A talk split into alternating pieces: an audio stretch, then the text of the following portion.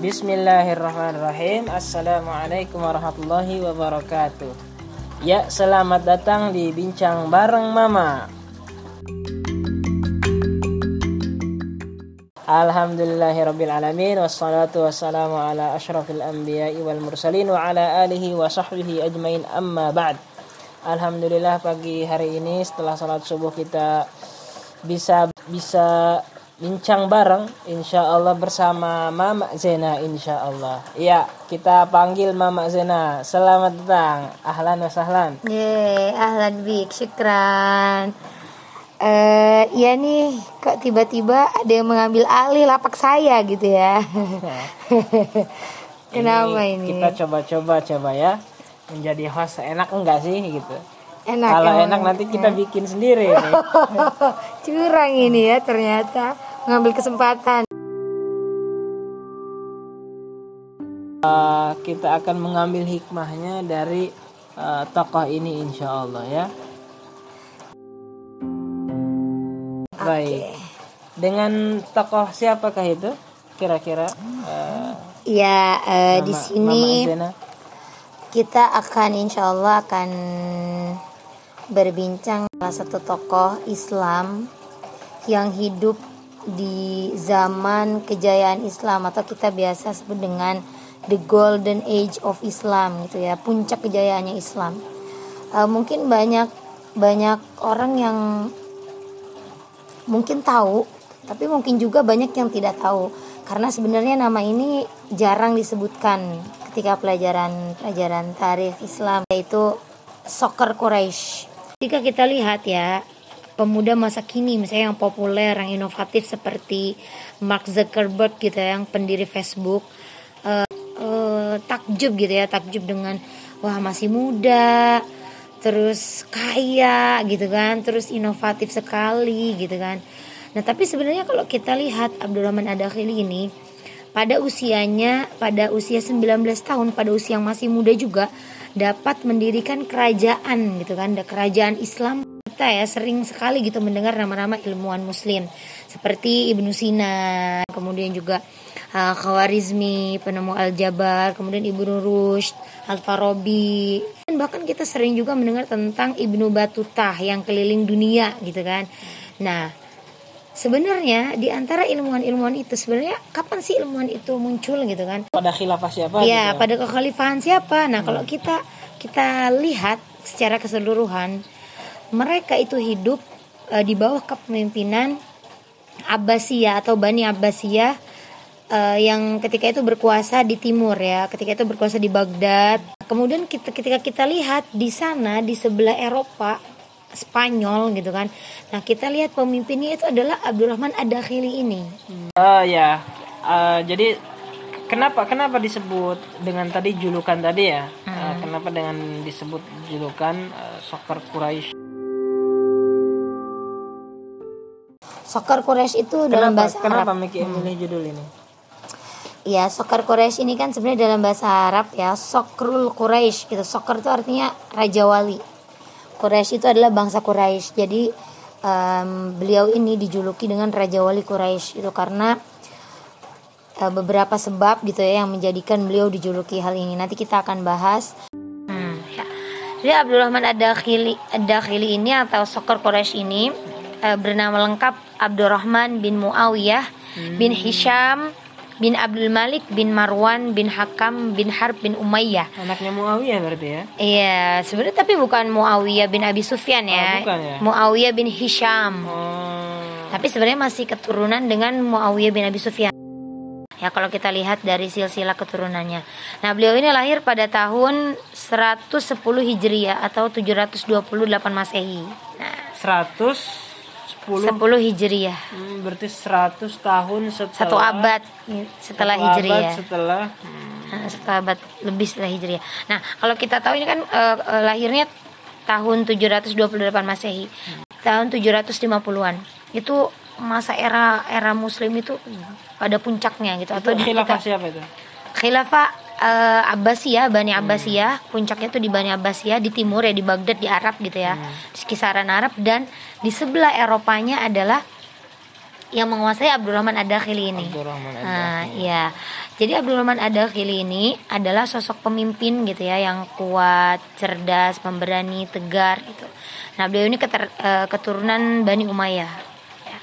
Terus kalau kita lihat juga sebenarnya kalau kita lihat silsilahnya ketika runtuhnya nya masa kekhalifahan yang keempat atau Khulafaur Rasyidin digantikan dengan kepemimpinan Bani Umayyah Hmm. selama kurang lebih 80 tahunan sekian gitu 80 tahun lebih 80 sampai 90 tahunan Bisa disimpulkan setelah uh, Rasyidin, Hmm. Muawiyah, kemudian uh, pada tahap selanjutnya adalah Abbasiyah. iya Nah, Abdurrahman Ad-Dakhil ini pada masa Abbasiyah ini iya pada masa Abbasiyah tapi di wilayah yang berbeda di wilayahnya yaitu di Iya, ba- beliau- bagian Eropa. kalau kita lihat gitu ya di riwayat beberapa riwayat di Sirah Nabawi atau di Tarikh Islam gitu. Kalau kita lihat setelah Khulafaur Rasyidin itu kan ketika zamannya Ali itu mulai banyak kerusuhan Hmm. di antara eh, di internal kaum muslimin gitu Ada ya. fitnah-fitnah segala Eh, gitu banyak ya. fitnah yang bermunculan. Nah, di situ eh, sebenarnya itu awal mulanya Islam itu agak terpecah belah di sana gitu ya. Terpecah belah, kemudian menyatu lagi, kemudian bisa diatasi, kemudian ada beberapa musuh yang em, mengincar gitu, mencari kesempatan ketika eh, internal Muslim sendiri ada beberapa masalah gitu. Nah, tapi ketika zaman eh, transisi antara Bani Umayyah dengan Bani Abbasiyah, ini sangat dramatis sekali kisahnya Pak Hafiz. Hmm. Gimana? Gimana kisahnya gimana? Nah, jadi kisahnya eh, sebenarnya Abdurrahman Ad-Dakhili ini menjadi gitu ya, menjadi eh, amir ketika itu disebutnya amir. Hmm, Amir ya. Ah. Istilahnya ya. Istilahnya amir ketika itu. Dia disebutnya amir. Kalau sekarang presiden gitu. Kalau sekarang itu presiden itu kan banyak dulu kan kalau keempat kekhalifahan kan disebutnya khalifah gitu kan. Kemudian setelahnya tuh Bani Umayyah ketika itu disebutnya Amirul Mukminin. Hmm. Ketika itu kemudian Abbasiyah ada yang dis- ada yang dijuluki dengan eh, khalifah, kemudian ambil lagi gitu kan nama khalifah, kemudian Abdurrahman Ad-Dakhili ini sisa-sisa dari eh, kepemimpinannya Bani Umayyah ini dia dijuluki dengan Amir gitu masih dijuluki dengan Amir. Nah, jadi sebenarnya Abdurrahman Ad-Dakhili ini adalah sisa-sisa keturunan dari Bani Umayyah. Kenapa? Kenapa Pak Hafiz? Kenapa? Kenapa ya coba? Nah, karena ketika Bani Abbasiyah naik eh, mengambil tahta, merebut ya, merebut kekuasaan Bani Umayyah ketika itu dengan cara yang dramatis. Hmm. Dengan cara yang dramatis. Gimana dramatisnya itu gimana? Eh, ya karena ketika itu membentuk kelompok rahasia itu untuk menjatuhkan Bani Umayyah ini dan keturunannya. gitu. Hmm. Nah, kemudian setelah terambil alih oleh Bani Abbasiyah, ternyata Bani Abbasiyah itu memutuskan untuk membantai seluruh em, dalam riwayat ya, untuk membunuh atau membantai semua keturunan yang berhubungan dengan Bani Umayyah. Jadi semuanya dibunuh, semuanya diincar gitu sampai nggak ada yang tersisa dari Bani Umayyah ini. Hmm. Nah, pada masa ini Abdurrahman Ad-Dakhili ini kemudian melihat dengan mata kepalanya sendiri keluarganya itu dibunuh gitu kan, dibantai oleh Bani Abbasiyah ini. Mengharukan sekali itu adalah ketika dia berusaha melarikan diri dengan adiknya yang masih kecil. Ketika itu kan dia umurnya masih 19 tahun. Hmm. Kurang eh, Abdurrahman Ad-Dakhili itu kurang dari 19 tahun ketika melarikan diri dari Bani Abbasiyah itu. Nah, ketika itu beliau lari dengan salah satu adiknya karena keluarganya semuanya sudah di sudah meninggal gitu ya, sudah wafat. Kemudian menyeberangi satu lautan, satu sungai gitu kan, sungai yang panjang gitu kan. Karena memang kalau orang zaman dulu kan kuat fisiknya ya. Eh, Berenang gitu kan ketika tidak ada jalan untuk melarikan diri lagi sedangkan di belakang itu Bani Abbasiyah mengepung gitu kan. Nah, akhirnya di depan mereka melihat di depannya tuh ada sungai yang luas gitu kan mau nggak mau ya harus melewati sungai itu Hmm. nah akhirnya berenanglah berdua ini Sama kalau ini. dengan adiknya kalau kakaknya aja berusia 19 tahun kurang dari 19 tahun berapa umur adiknya gitu kan umur SMA lah. iya umur SMA ya setidaknya umur SMA SMA lah ya. iya nah ketika itu berenang ketika itu ketika berenang berdua itu kan adiknya itu udah merasa nggak kuat dari belakang dari daratan gitu Abbasnya berteriak "Eh, ayo kalian kemari gitu kan Hmm. kalau kalian sekarang ini mau balik lagi gitu kan nggak melarikan diri maka kita akan ampuni Hmm. Itu kan karena adiknya gitu yang masih kecil ya yang masih pemikirannya itu belum sepenuhnya bisa masih tapi ternyata terbujuklah adiknya ini Hmm. nah apa yang apa yang terjadi ketika sampai di daratan Hmm, ja- Jadi si adanya ini balik lagi. balik lagi Kalau kakaknya Abdurrahman Ad-Dakhil lanjut gitu. ternyata setelah adiknya ini sampai ke daratan apa yang dilakukan Bani Abbasiyah tentaranya ini Apa? Bunuh. membunuhnya langsung di depan mata Abdurrahman Ad-Dakhil ini Hmm. Jadi ternyata kisahnya itu sangat dramatis gitu ya pe- pengambilan kekuasaan antara eh, transisi dari Bani Umayyah kepada Bani Abbasiyah ini ya yang yang disebutkan di beberapa riwayat tarikh Islam gitu ya. Nah, Terus gimana kelanjutan eh, kehidupan Abdurrahman Ad-Dakhil? ya pada saat itu ia terus berlari dari kejaran kejaran Bani Abbasiyah gitu ya menuju Syam, kemudian Mesir, lalu Maroko. Nah dari Maroko ini ia menyeberang ke Andalusia. Nah di sanalah ia mendapatkan gelar Ad-Dakhil yang artinya masuk gitu ya. Orang yang dapat memasuki Andalusia pertama kali, Muslim pertama. Nah, sejak umat Islam masuk ke Andalusia pada tahun 92 Hijriah hingga masuknya Ad-Dakhil pada tahun 138 Hijriah, orang-orang Arab belum memiliki posisi yang kokoh di jazirah Iberia itu. Nah, tidak sampai setahun, Abdul Ad-Dakhili telah berhasil mengokohkan posisinya di Cordoba. Jadi menjadi Cordoba ini menjadi pusat pemerintahan yang ia pegang. Nah, dari Cordoba ia berhasil menguasai Zaragoza dan Barcelona. Kemudian kota tersebut ia taklukkan atas kecerdikannya melobi kekuatan militer bangsa Frank untuk membantunya. Jadi gitu dia politis politiknya itu gitu ya. Kemudian ia menguasai kota-kota lainnya. Nah, kalau kita ingat ya, mengingat ruwetnya lobby-lobby politik partai pasca pasca pemilu kalau di kita gitu, sekarang saat ini kita bisa mengetahui bagaimana kehandalan politik anak muda yang bernama Abdurrahman bin Muawiyah atau Abdurrahman Ad-Dakhili ini. Kalau level partai aja gitu yang partai level nasional saja susah gitu, sulit menyatukan pendapat. Apalagi dia bisa merangkul bangsa Eropa agar mau bekerja untuknya. Ketika itu kan bangsa Eropa itu belum ketika itu kan ketika itu kan Abdurrahman Ad-Dakhil itu bangsa bangsa Arab gitu ya tapi ia bisa merangkul bangsa Eropa Gitu. kita bayangkan ya umur 19 tahun masih muda gitu kan melarikan diri Mm-mm. betapa dewasanya gitu kan Hmm.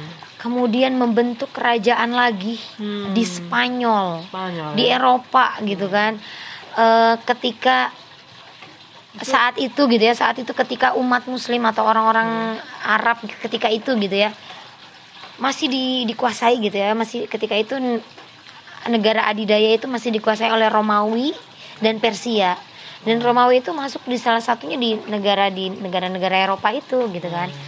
Nah sedangkan ketika itu dia tidak ada tidak ada orang yang mensupport secara kuat gitu kan harus dari bawah gitu kan. Kita lihat betapa bagusnya em, siasi gitu ya siasat siasat politiknya Abdurrahman Ad-Dakhili sampai akhirnya bisa menguasai masuk ke Eropa. Jadi menjadikan Andalusia atau Cordoba itu se- sebagai pusat em, kerajaannya gitu ya sebagai pusat dinastinya. Dinasti Bani Umayyah yang sisa-sisa dinasti Bani Umayyah itu ada di situ gitu. Dan itu pertama kali umat muslim e, menguasai Eropa itu sejak zamannya Abdurrahman Ad-Dakhili. berkat beliau Eh, ya. berkat beliau dari sana muncullah muncullah eh, ilmuwan-ilmuwan seperti salah satunya Ibnu Batuta. Nah, Ibnu Batuta itu sebenarnya sebelum keliling dunia, eh, beliau itu Ibnu Batuta tuh orang mana sih? Non Arab gitu ya. Non-Arab, Ajam. Non Arab. Nah, kita Banyak bisa ilmuwan- lihat banyak biografi. ilmuwan-ilmuwan yang Iya. non Arab. Kenapa coba seperti itu? Pak Hafiz. Hmm? Kenapa banyak ilmuwan non Arab tapi eh, Muslim Kenapa? dulu itu dulu? Kenapa itu? Iya karena mereka tertarik dengan ilmu pengetahuan yang sudah berkembang pesat yang dimajukan oleh pemimpin-pemimpin Islam ketika itu. Kalau kita kalau kita misalnya membahas tentang ilmuwan, nah kita juga harus tahu sebenarnya di dalam eh, populernya gitu atau em, apa ya terkenalnya ilmuwan-ilmuwan itu ada pemimpin yang menyokong penuh gitu kan risetnya misalnya kalau kita sekarang kan ya kalau zaman kita risetnya didukung kemudian uh, misalnya penulisan bukunya didukung, kemudian perjalanannya didukung gitu kan. Kita juga berarti kalau kalau ada ilmuwan seperti itu yang terdengar di telinga kita, berarti kita harus tahu oh pemimpinnya siapa ini yang mendukung penuh gitu kan. Maka dari itu saya bahasnya berarti tentang ilmuwan, pemimpin. Ilmuwan pada zaman Abdurrahman Ad-Dakhil ini benar-benar dapat sokongan yang penuh dari pemerintah ya. Iya, karena memang ketika itu zaman zaman itu Islam benar-benar dalam puncaknya di di atas di di atas lah ya Islam ketika itu di masa golden age of Islam itu masa di masa ketika kesenian ya, ketika apa namanya ketika ilmu pengetahuan itu berkembang ketika Darul Hikmah ada Darul Hikmah namanya perpustakaan uh, yang kita tahu ya Darul Hikmah itu perpustakaan terbesar punya umat muslim ketika itu ketika itu buku-buku um, dari Persia Romawi itu diterjemahkan ke dalam bahasa Arab gitu sampai orang-orang tuh sampai Islam itu benar-benar uh, menjadi pusat ilmu pengetahuan ketika itu. Gitu. Jadi memang sangat-sangat berkembang ya ilmu pengetahuannya itu.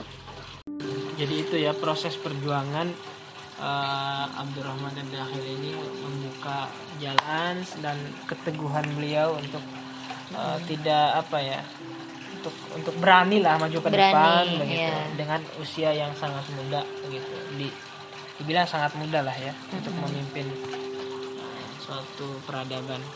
Iya. Jadi apa? Hikmah dibalik uh, salah satu profil Abdurrahman Ad-Dakhil ini yang bisa kita ambil hikmahnya apa kira-kira? Mm. uh, yang bisa kita jadikan uh, pelajaran khususnya mungkin buat santri Zamzam ya yang uh, sekolah kita yang punya tagline uh, leadership sebagai seorang pemimpin leader.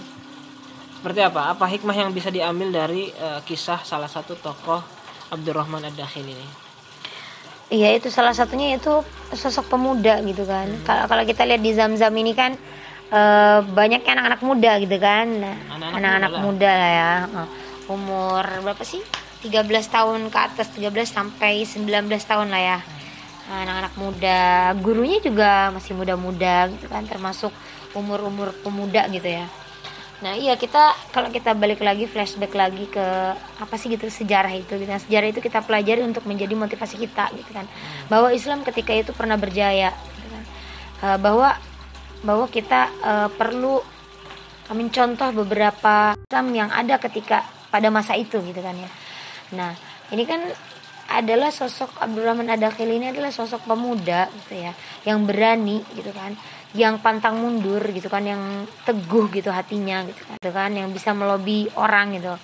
Nah yang yang pasti berwibawa ya sebagai sosok pemimpin.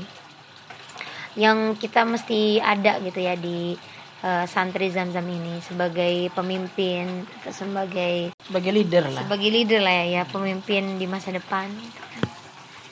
uh, demikian uh, uh, kisah uh, inspiratif singkat kita pagi ini mudah-mudahan bermanfaat ya mudah-mudahan kita yeah. bisa ambil hikmahnya dari uh, salah satu tokoh ini uh, baik terima kasih para pemirsa para pemirsa baik kita para pendengar setia para pendengar gitu ya. setia, ya uh, apa ini Mama Zen Mama Mama Zena ya? bincang ya? bareng bincang Mama. Bareng Mama ya Mama. mohon maaf ini lapak saya dikuasai iya, ya jadi lupa saya jadi host saya ternyata ya Baik. Semoga bisa diambil hikmahnya ya semuanya dan sebenarnya banyak sosok inspiratif lagi gitu dalam Islam yang sebenarnya uh, kita harus tahu gitu kita harus melihat lagi ke belakang bahwa banyak sekali pemuda-pemuda Muslim kan yang patut kita contoh. Kita cukupkan sampai di sini. Terima kasih uh, para pendengar setia Mama Zena. Ya, makasih uh, semuanya ya. Kita cukupkan sampai di sini dengan tutup ditutup dengan hamdalah dan doa kafaratul majlis. Alhamdulillahirabbil alamin. Subhanakallahumma wa bihamdika asyhadu an la ilaha illa anta astaghfiruka kasih Mama Zena atas kisah inspiratifnya. Mudah-mudahan yeah. bermanfaat buat kita Amin. semua. Terima kasih. Assalamualaikum warahmatullahi wabarakatuh.